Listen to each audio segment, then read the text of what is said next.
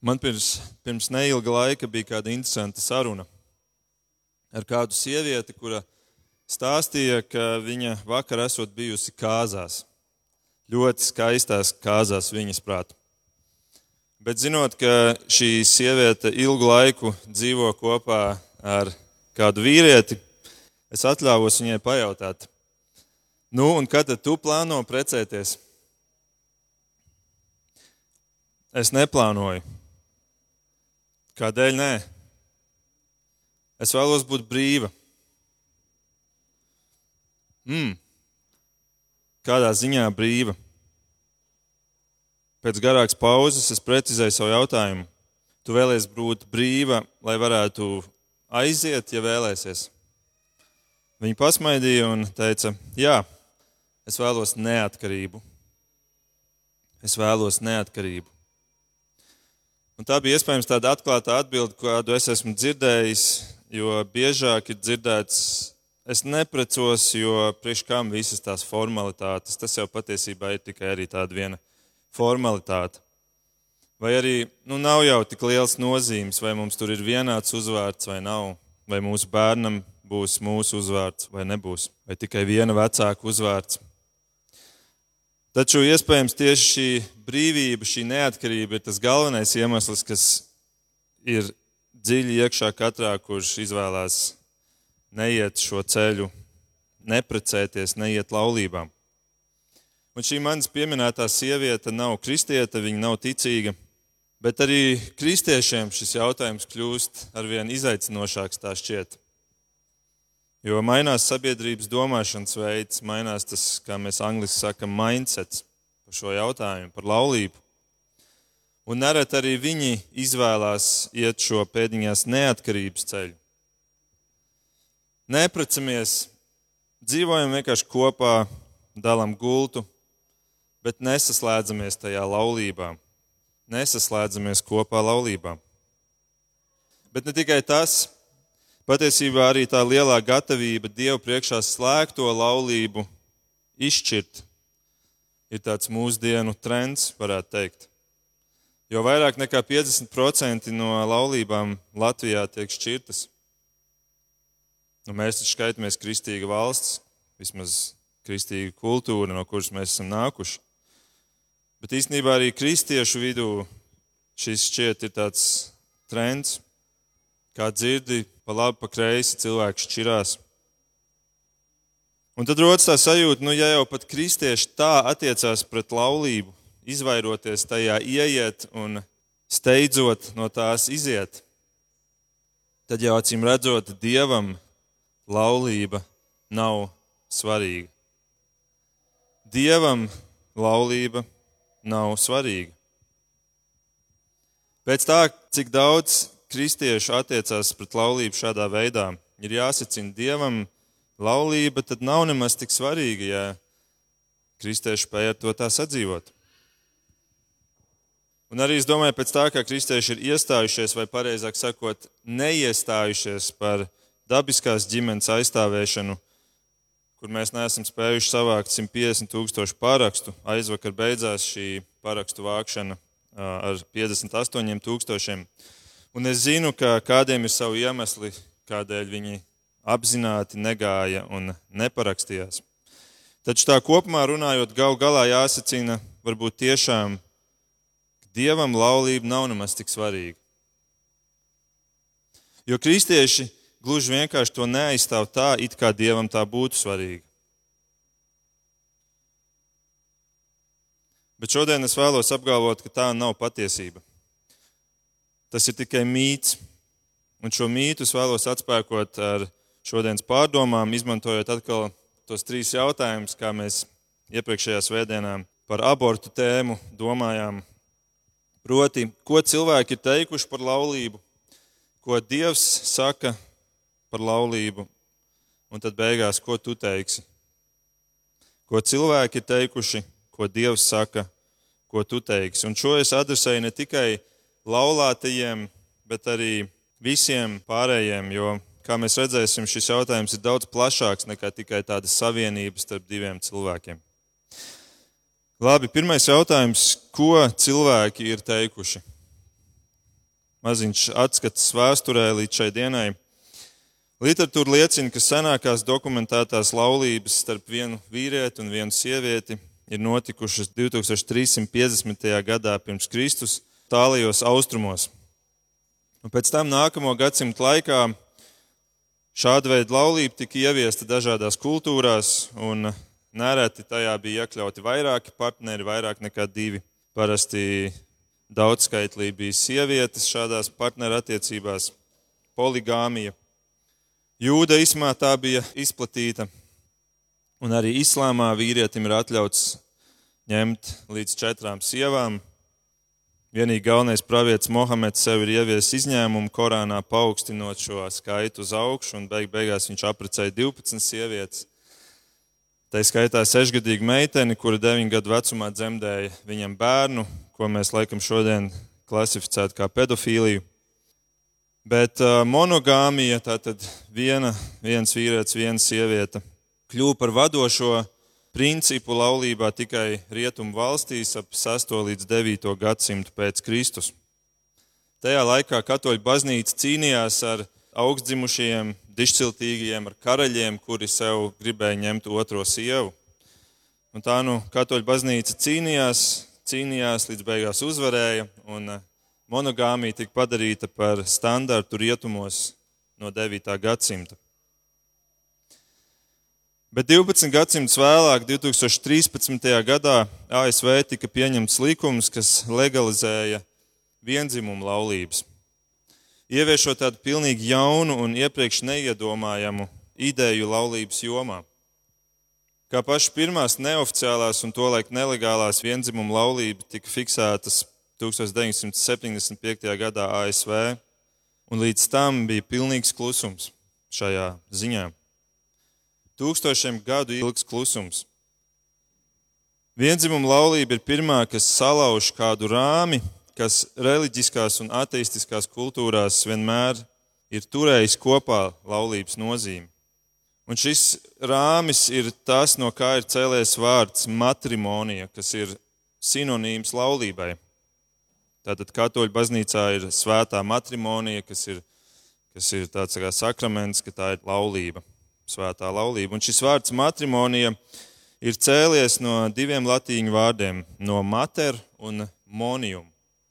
Tad mēs varētu teikt, laulības jēdziens ir cēlies no diviem vārdiem - mater, kas nozīmē māte, un monium, kas nozīmē stāvoklis vai darbība. Tātad matrimonija burtiski nozīmē kaut ko līdzīgu kā padarīšana par māti vai mātes stāvoklis. Citiem vārdiem sakot, laulība jeb matrimonija nozīmē, ka vīrietis un sieviete kopā sanāk, lai radītu jaunu māti. Tā ir tā etimoloģija vārda matrimonija. Vīrietis un sieviete sanāk kopā, lai radītu jaunu māti, un šī māte radās caur to, ka piedzimst bērns.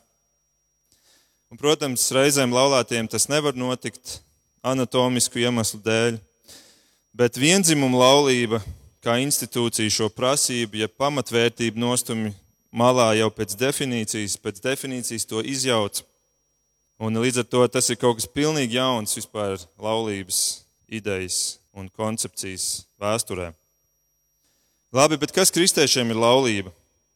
Kristieši laulību definē kā dieva iestādītu, kā centrālo elementu ģimenes radīšanai. Līdz ar to ģimeni saista laulība, vai asins radniecība, vai adopcija. Tātad laulība ir kā tas, kas rada vispār ģimeni, kas šodien mūsu sabiedrībā tiek apstrīdēts un tiek dekonstruēts. Kristieši vienmēr ir uzskatījuši, ka laulībā radītā dabiskā ģimene ir sabiedrības pamatšūna, uz kā tiek veidota vispār mūsu sabiedrība. Un tādēļ liberālās kustības šo dabisko, jeb kodolu ģimeni, kā to mēdz arī saukt, cenšas izrādīt, jo tā stājas ceļā civilās savienības uzvaras gājienam. Piemēram, Black Lives Matter kustība savā mājaslapā pie vērtībām bija uzrakstījusi šādu teikumu. Mēs izjaucam rietumos noteikto prasību pēc kodola ģimenes struktūras, un izjaucam patriarchālo praksi. Tad tas bija minēts viņu mājaslapā, tas tas viņu mērķis izjaukt šo rietumos noteikto prasību pēc kodola ģimenes struktūras. Bet tā kā marksisma pamatprincips, viens no pamatprincipiem tieši to pašu saka - kodola ģimenes struktūras izjaukšana kā mērķis, tad Black Lives Matter saņēma tik daudz kritikas, ka viņi izlēma šo teikumu izdzēst no savas mājaslapas. Pēc tam, kad viņu atbalsts aptaujās bija nokritis par 12%.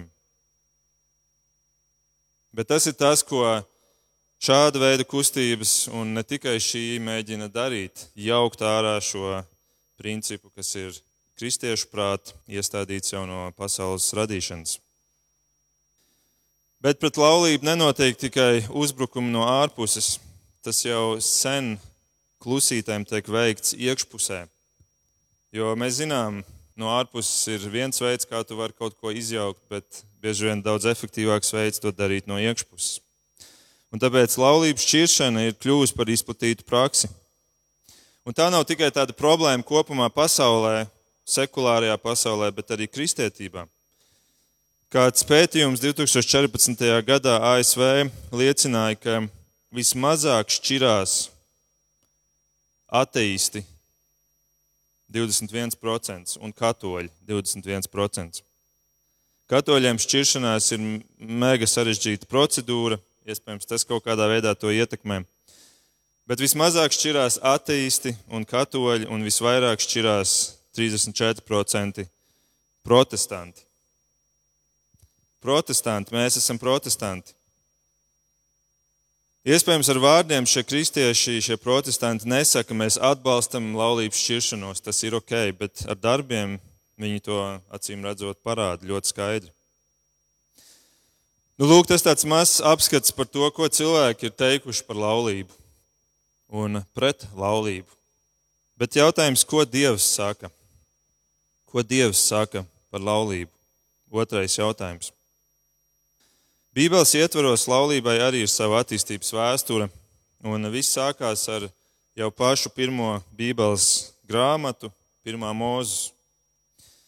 Jo tur Dievs iestāda laulību. Viņš saka, 1. mūzes 2.18. Nav labi cilvēkam būt vienam, es tam darīšu palīgu, kas atbilstu viņam. Tad pēc tam, kad Dievs pieaicina pie Ādama visa veida dzīvniekus un liek viņam viņus nosaukt vārdā. Viņš saprot, ka nē, neviens no šiem dzīvniekiem nav pietiekami labs draugs man. Neviens no šiem nav, nav piemērots, neatbilst man, neatbilst Ādamam. Un tāpēc Dievs saka, nav labi cilvēkam būt vienam, un es tam darīšu palīgu, kas atbilstu viņam. Un dažus pantus tālāk, 24. pantā, ir teikts, tādēļ vīrs atstās tēvu un māti un pieķersies savai sievai, un tie kļūs par vienu miesu. Dievs to saka brīdī, kad neviens tēvs un neviena māte vēl pasaulē neeksistē. Ādamam ievai nebija tēvu, māšu, bet uh, Dievs šajā brīdī iestāda to, ko mēs šodien saucam par laulību. Jau pašā pasaules radīšanas notikumā ieraugām laulību Un starp vienu vīrieti un vienu sievieti tas ir tas dieva priekšstats par to, ko nozīmē laulība. Ja jūs pamanījāt, pēdējā teikumā ir kāda interesanta frāze, ko Dievs saka. Viņš saka, tie kļūs par vienu miesu. Tie kļūs par vienu miesu. Un šeit jau pašos pamatos ir iebūvēta tāda viena sastāvdaļa, kas iezīmējās tajā, ko Dievs saprot, kā laulība esam. Un proti, tas ir seksuāls attiecības. Kļūt par vienu miesu, tas nav tikai tāds nu, juridisks termins. Nu, jūs tagad kļūsiet par vienu ģimeni, jums būs viens uzvārds, jūs būsiet kaut kas viens. Bet runa ir par fiziski, caur dzimumu aktu tu kļūst par vienu miesu. Kāds ir teicis, ka tādēļ Dievs sievieti radīja atšķirīgu, nevis noklonēja Ādamu ko viņš teorētiski varēja izdarīt. Noklonēt to pašu vīrieti vēlreiz, lai ir divi draugi, kuri tad var ēdienas dārzā dzīvot kopīgi un doties piedzīvojumos. Līdz ar to vīrietis un sieviete ir kā atslēga un kā slēdzene. Katrai daļai pašai par sevi nav īsti jēgas, nav funkcijas. Tie ir tikai priekšmeti. Tikai savienojumā atklājas tā patiesā jēga. Un tā jau no vecās derības sākuma laulība tika nodibināta brīdī, kad vīrietis un sieviete stājas dzimuma attiecībās, dzimuma sakaros. Laulība sākās tad, kad cilvēks, vīrietis un sieviete stājās seksuālās attiecībās. Piemēram, 1. korintiešiem 6.16. to skaidri pasaka. Pāvils raksta, jeb vai jūs nezināt, ka tas, kas biedrojas ar netikli, ir viena miesa ar to, ir sacīts, tie abi būs viena miesa. Nu, lūk, tur izveidojas viena miesa, un Dieva acīs tā ir laulība. Līdz ar to, ja mēs tā izdarām nākamo secinājumu, tādas pirmslaulības seks neeksistēja. Tāda nebija, tāpēc ka tavs pirmais seks, laulības nodibināšana. Un tāpēc tas ir joprojām viens no iemesliem, kādēļ kristiešiem gaidīšana līdz kāzām, tā vecmodīgi skanošā praksa, gaidīšana līdz kāzām ir tik aktuāla un svarīga arī šodien. Un tā kā seksuālajiem aspektam ir tik liela nozīme, tad arī pēc ieiešanas laulībā Dievs novelk skaidrs robežas šajā ziņā attiecībā uz seksuālo dzīvi. Tāpēc viens no desmit baušļiem skan tā: Tev nebūs laulību pārkāpt. Un ar pārkāpšanu ir domāta tieši šīs robežas pārkāpšana. Arī jaunajā derībā tiek apstiprināta šī tēze. Ebrejiem 13 ir rakstīts, Laulība, lai ir visiem godā, un laulības gulta neaptraipīta, jo netiklos un laulības pārkāpējus Dievs sodīs. Tātad šai laulības pārkāpšanai novelk kāda robeža, kuras sekas ir Dieva sodīšana. Tas nepaliks nepamanīts, tas nenesīs svētības, nē, tas tiks sodīts, Dievs saka. Tātad seksuālās attiecības ir kā laulības sākums, un seksuālās attiecības ar citu cilvēku, kurš nav tavs laulības partners, nozīmē laulības pārkāpšanu. Un līdz ar to iezīmēs viena ļoti būtiska pazīme. Proti, ka dievam laulība ir ar ļoti skaidrām robežām. Tas nav kaut kas tāds izplūdis, kaut kāda tāda pelēkā zona, kaut kas abstrakts, kaut kas subjektīvi izjūtams vai pielāgojams. Kā mēs šeit sākam redzēt, tas ir ļoti melnbalts jautājums Dievam. Un cik ļoti melnbalts tas ir, to atklāja vēl viena rakstvieta, un šoreiz tur jau runā Jēzus pats. Un tas ir Mateja evaņģēlī 19. nodaļa, un uh, tur farizēji nāk pie viņa, un uh, tur teikts, ka kārdinādami saka viņam šo.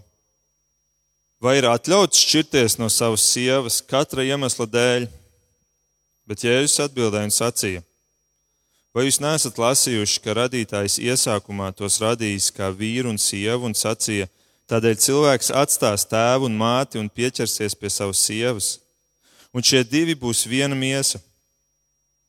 Tātad viņi nav vairs divi, bet viena miesa, ko Dievs savienojis.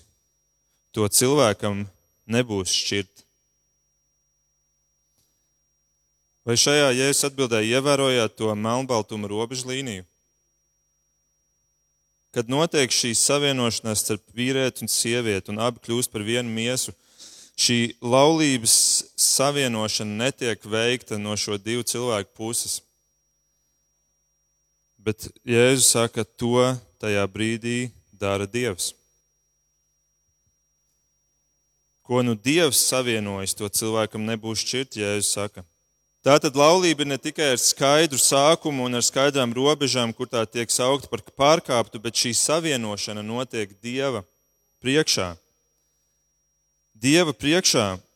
Un tā tas šodien patiesībā notiek līdz šai dienai, kur divi cilvēki iekāpja gultā un kļūst par vienu miesu patiesībā. Dieva priekšā tur sākās laulība. Varbūt tie divi cilvēki domā, nu jā, mēs jau esam vieni šajā istabā. Patiesībā tur ir klātesoša neredzama garu pasaule, kur iespējams lido ķērubī, rindās stāv eņģeļi, un uz troņa priekšā sēž pats Dievs, kurš salauzā viņus. Šo ainu mēs neredzam, tāpēc ka tā ir, tā ir garīgā pasaule, kuru ar garīgām acīm ir jāskata. Bet šeit es šodien esmu, lai palīdzētu ieraudzīt to ar garīgām acīm. Tas, kas notiek aiz aizslēgtām durvīm redzamajā pasaulē, tiek sludināts no jumtiem garīgajā pasaulē.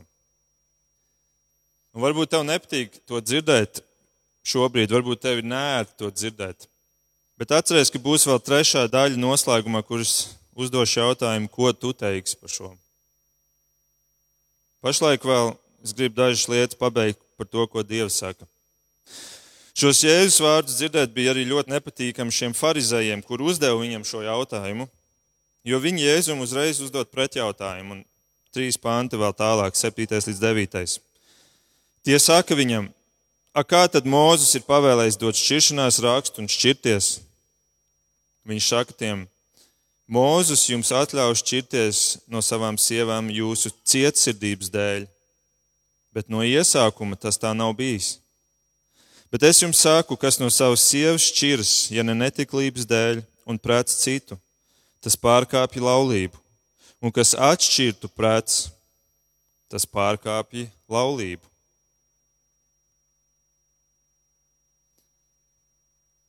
Wow, šis iedod laulībai vēl vienu jaunu dimensiju. Šķiet, jo vairāk tu Jēzum jautā par šo tēmu, jo dziļāk viņš tev ved, atklājot ar vien jaunus un pat šokējošus faktus par šo par to, cik svarīga Dievam ir laulība. Tik šokējoši, ka viņa mācekļi pēc šī Jēzus teiktā nākamajā desmitajā pantā saka, ja tas tā ir vīru un sievu starpā, tad nav labi precēties. Viņiem tas šķiet šokējoši. Redziet, cik melnbalts ir laulības jautājums Dieva acīs. Vai jūs jūtat, ka cilvēki pasaulē līdzīgi domā par šo tēmu, kā Dievs šeit runā par to. Labi, pasauli šobrīd noliekam malā, bet vai kristieši domā līdzīgi, tā kā Dievs šeit runā par to? Man liekas, tas ir tik šausmīgi tālu viens no otra. Paskatīsimies kaut vai uz to laulības šķiršanas jautājumu, kas ir īstenībā tā centrālā tēma šī Jēzus sarunā ar farizējiem. Vai esat dzirdējuši, ka kāds jums māca, kaut vai no kanceles, ka tas, ko Jēzus tagad saka, kas no sievas šķiras, ja ne netiklības dēļ un prēc citu, tas pārkāpja laulību, un kas atšķirtu prēc, tas pārkāpja laulību.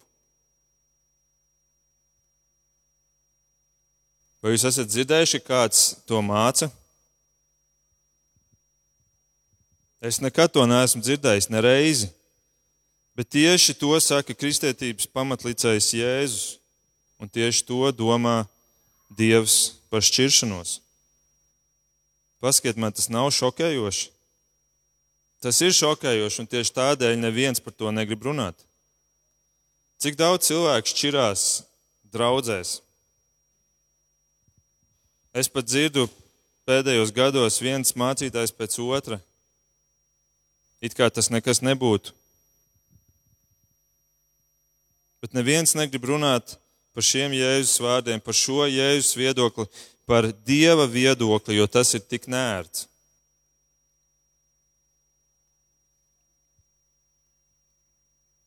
Bet jūs neticēsiet, ja pajautāsim Jēzum vēl, viņš tik tiešām spēs pielikt vēl vienu līmeni klāt šim visam. Paklausieties, ko viņš saka Kalna svētrunā, Mateja 5. Jūs esat dzirdējuši, ka ir sacīts, tev nebūs laulība pārkāpt. Bet es jums saku, ik viens, kas uzskata sievu to iekārodams, tas ar viņu laulību jau ir pārkāpis savā sirdī. Tātad ne tikai laulībā ir sākums, kas ir dzimuma sakari, ne tikai tā ir robežas, kas ir laulības pārkāpšana seksuālā veidā, bet šīs robežas ir ne tikai fiziskas, bet arī garīgas. Ja tu iekāro savā tuvākā sievu vai vīru, ja vien tu to dari savā prātā, ar savu sirdi, tu jau esi laulības pārkāpējs. Un, lai pieliktu galējo līmeni šim visam klāt šai tēmai, tad par laulības pārkāpšanu vecajā derībā sots bija kas? Nāve. Es pajautāšu vēlreiz, vai izklausās, ka dievam laulība nav svarīga?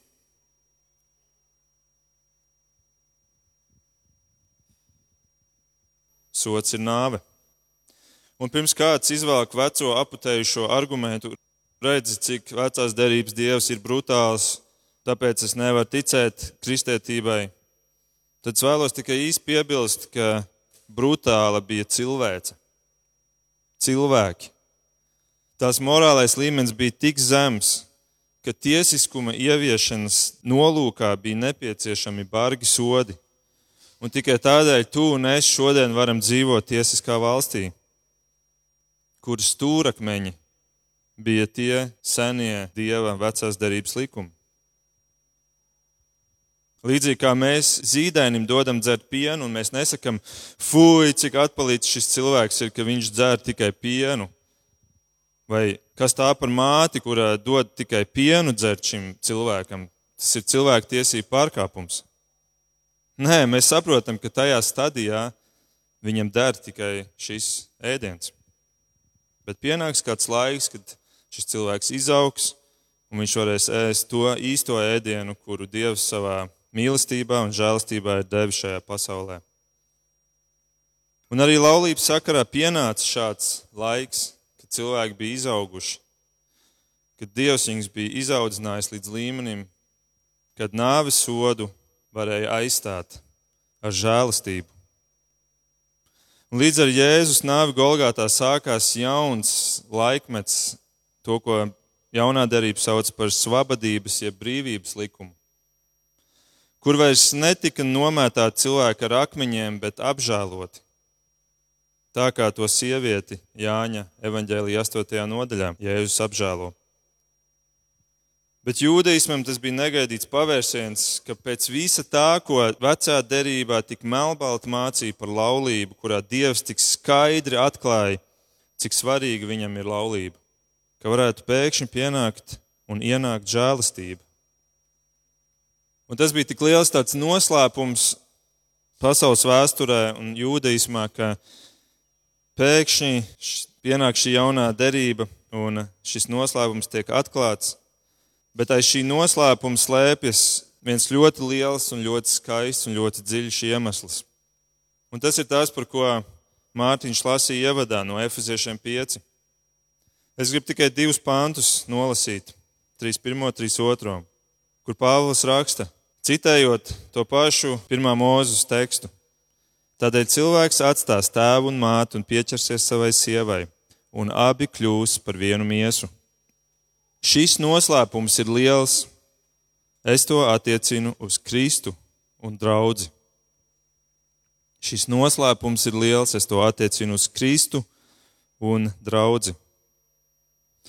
Redzēt, Pāvils šo pašu kļūšanu par vienu miesu, šo laulību, šo visu, par ko mēs tikko runājām, nosauc par noslēpumu. Un to attiecina nevis tikai uz tādu divu cilvēku savienību, bet uz kaut ko daudz lielāku, uz Kristu un draugu, uz Dievu un cilvēku. Vecajā derībā tā bija laulība starp Dievu un Izraēlu. Un to tik ļoti spilgti parāda viena grāmata Bībelē, proti Hozejas grāmata, kurā tiek atklāts ļoti dramatisks un neticams stāsts, kur Hozejam, pravietim Hozejam, Dievs saka, ej un apreci prostitūtu Gomēru. Un viņš to dara, un viņš ņem viņu, viņš viņu izpērk, Bet Gomēra pēc kāda laika aiziet prom no viņa un atgriežas pie vīriešiem citiem, atgriežas savā iepriekšējā amatā. Un tas viss kulminē tajā, ka Hozējam ir jāiet tirgus laukumā, un tur priekšā stāv viņa kailā sieva, kas ir izlikta vergu pārdošanā. Un viņš viņu izpērk vēlreiz un visu laiku parāda šo žēlastību, šo piedošanu. Un tad Dievs parāda, ka tas patiesībā stāsts starp viņu un Izraēlu. Ka Izraels ir tā prostitūte, kuru Dievs ir izpircis, apžēlojis, kur viņš ir paņēmis sev laulībā. Bet viņi visu laiku pārkāpa šo laulību ar citiem dieviem, tajā laikā īpaši ar bālu. Un tā ir Izrēla tauta, šī sieva. Un vakar mēs bijām ciemos pie manas sievas vectēva, kur mums saruna no tēmas par karu Ukrainā aizvirzījās līdz Zelenskim un līdz ebrejiem un līdz Izrēlai, pa tādiem interesantiem līkločiem. Un tad viņš tāds dažs interesants teikums pateica, kurus vienkārši piefiksēju. Viņš teica tā. Parādi man kādu priekšzīmi, ko varam mācīties no ebrejiem. Dievs ar viņiem bija nomocījies. Dievs viņus uz rokām nesāja, kā nevienu citu tautu. Un man jāpiekrīt tieši tā. Šī laulība dievam bija tik smaga, tik neizdevīga, tik mokoša. Bet viņš atkal un atkal apžēlojās par viņu. Un līdz ar to Dieva acīs laulības starp diviem cilvēkiem ir kā simbols šai laulībai starp Dievu un cilvēkiem, starp Kristu un draugu. Kā Dievs ir mīlējis savu līgavu un apžēlojies par savu līgavu un bijis uzticīgs savai līgavai līdz pēdējam, pat tad, kad tas ir šķītis pilnīgi neprātīgi un bezjēdzīgi un neloģiski. Tāda, lai ir mūsu laulība. Tāda, lai ir mūsu laulība ir tā lielā vēsts, kuru Dievs mēģina parādīt. Esam dzirdējuši, ko cilvēki teikuši, mazliet apskatījāmies, ko Dievs saka par šo tēmu. Protams, varētu vēl daudz runāt, bet es vēlos noslēgt ar pēdējo jautājumu. Ko tu teiksi? Ko tu teiksi? Cik svarīgi Dievam ir laulība? Ko teiksi tu, kurš esi laulībā? Vai tas, ko Dievs saka, atbilst tavai izpratnē par to, kas ir laulība? Vai tu apzinājies to, cik tā ir dārga Dievam? Vai tu par to cīnies tāpat kā viņš ir cīnījies par Izraēlu? Vai tu par to esi gatavs tā cīnīties, kā Kristus ir cīnījies par savu līgavu draugu? Vai tu tā cīnies par savu sievu un vīru? Vai tev izdodas piedot viņai vai viņam? Apžēlot, kaut arī varbūt tas nav pelnīts no viņas puses vai viņa puses. Bet atceries to, ka Dievam ir svarīga tava laulība, tāpēc, ka tas personīgi skar viņu. Un tāpēc, lai žēlastība valda tajā, tāpat kā žēlastība ir vienmēr valdījusi no Dieva puses. Labi, bet ko teiksi tu, kas esi šķīris laulību? Ko tu teiksi? Ja tā ir tikusi šķirta ne laulības pārkāpšanas, tātad seksuāla grēka dēļ, kuru Jēzus kā vienīgo dod. Patiesībā viņš pat saka, ka pat ja tas ir noticis, tu vari apžēloties, tu vari piedot, tāpēc ka Dievs ir piedevis. Bet pat ja mēs saprotam, ka tas ir vienīgais iemesls, kur Jēzus dod, lai varētu šķirt šādu laulību. Un ja tas nav noticis šī iemesla dēļ, Vai tu saproti, ka viņa priekšā šī laulība joprojām patiesībā ir dzīva? Un, ja tu dzīvo ar citu cilvēku jaunā laulībā, tu pārkāp to pirmo laulību katru dienu. Tu dzīvo grēkā, un grēka alga ir mūžīga nāve. Tādēļ atgriezies no šī grēka. Tu to vari darīt šodien un nožēlot to, atzīt to, nokārtot to. Vai Dievs var to piedot? 1. Jāņa 1,7 ir teikts, bet ja mēs dzīvojam gaismā, kā Viņš ir gaismā, tad mums ir sadraudzība savā starpā, un Viņa dēla Jēzus asinis šķīsta mūs no visiem grēkiem. No visiem grēkiem. Tas ir iespējams piedot šo grēku arī. Šo grēku, kas noteikti nenesīs tev svētību tavā dzīvē, ja tu viņu nenokārtos. Dievu priekšā visu var nokārtot, bet ir jāskatās patiesībai acīs un ir jāsauc lietas īstajā vārdā. Un no šodienas ir jādzīvo tā, kā tas atbilst Dieva gribai. Labi, bet ko teiksi tu jaunekli, jaunieti? Es tev gribu teikt, saprot pareizi, kas ir seksuāls attiecības. Pasaule tev stāsta kaut ko vienu, bet neklausies tajā, klausies tavā dievā. Klausies tajā, kurš tevi ir radījis, kurš zina, kas tev ir labākais. Un sāc savu laulību pareizajā veidā, lai tā var būt svētīta laulība. Nesāc savu seksuālo dzīvi ārpus laulības robežām. Tu esi gatavs pacietīgi pagaidīt un uzticēties Dievam, ka Viņš dos īsto laiku, ka tu varēsi to izbaudīt. Seks ir domāts laulībai, un laulība domāta seksam, nevis ārpus tās.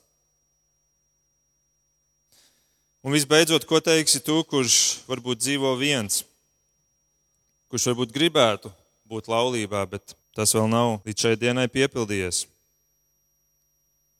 Atcerieties, ka laulība ir atspūgs Kristus laulībai ar draugu. Tā ir tā pamat jēga un nozīme. Un tu esi draudzene. Tu esi daļa no draudzes. Tādēļ neuztver sevi kā nepilnīgu, jo laulība ar cilvēku nepadara nevienu pilnīgu. Tikai Kristus padara. Un atcerieties, ka tev ir Kristus. Tādēļ, lai laulība paliek tavs mērķis, par kur tu vari lūgt, bet neuztver sevi kā nepilnīgu tādēļ, ka tu neesi iegājis laulībā. Un es gribu atgādināt, ka pašā sākumā, kad Dievs ēdenē radīja sievieti un deva viņu Ādamam, vīrietim, tad tur ir teikts, ka viņa tiek dota kā palīgs Un tā palīga loma, viņa, protams, ir ļoti dažāda, bet es ticu, ka tā svarīgākā loma ir tā, ka šī ieva bija dota, lai palīdzētu Ādamam ieraudzīt Kristu. Caur šo laulību ieraudzīt to laulību starp Dievu un draugu. Un tā ir cilvēka vistālajošākā loma palīdzēt citiem cilvēkiem ieraudzīt Kristu. Un, ja tu neesi precējusies, vai precējies, tad zini, ka tev šajā palīga lomā ir daudz plašāks iespējas nekā precētam vīram vai sievai. Tu vari par to pārliecināties un izlasīt mājās 1. korintiešiem 7. nodaļu. Izlasi un izvērtē sevi pret šo tekstu.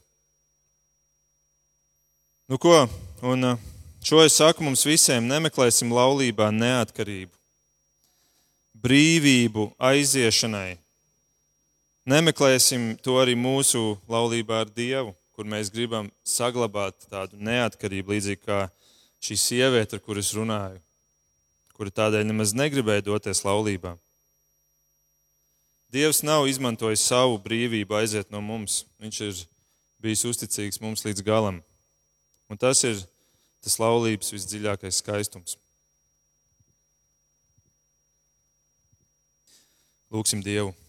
Debes Tēvs, paldies Tev par Tavu skaisto domu šai pasaulē. Paldies, Kungs, ka Tu ieliki cilvēku tajā. Paldies, ka Tu radīji vīrieti un radīji sievieti. Paldies, ka šī komanda ir kā simbols, kā atspūgs tam, kā Tu redzi mūsu attiecības vienam ar otru mums ar Tevi. Un paldies, Kungs, ka Tu no savas puses esi mīlējis ar beznosacījumu mīlestību līdz galam. Tu esi piedevis un atkal piedevis un apžēlojis, ka tu esi novilcis robežas, lai nevis mūs kaut kā ierobežotu, lai padarītu dzīvi mazāk laimīgu, bet lai mūs pasargātu un lai mums dotu tieši to vispilnīgāko laimi, kādu mēs varam piedzīvot, tad, kad mēs uzticamies Tev un pildam Tavu gribu. Es tev lūdzu par mūsu draugus ģimenēm, tiem, kur ir laulībās, kungs, lūdzu apžēlojies par viņiem, lūdzu dot, ka vīri var uzņemties to atbildību, kādu laulība ir pelnījusi, ka viņi var tavu Kristu attieksmi izdzīvot savā laulībā. Un es lūdzu, kungs, par sievām, ka tās arī var izdzīvot to attieksmi, kāda draudzēji vajadzētu būt pret savu galvu Kristu. Es tev lūdzu par visiem tiem, kuri vēl nav laulībā, kungs, ka viņi var likt tos pareizos pamatus savā dzīvē, ka viņi var ieiet svētītā, tevis svētītā laulībā. Es tev lūdzu par tiem, kuri dzīvo laulībā ar neticīgu vīru vai sievu, ka tu caur šiem ticīgiem varētu nest to gaismu, varbūt klusām, bet ar pacietību, un uh, arī dot šo svētību šai otrai pusē. Paldies, Tev, Kungs, ka Tev ir labs plāns mums katram mūsu dzīvē.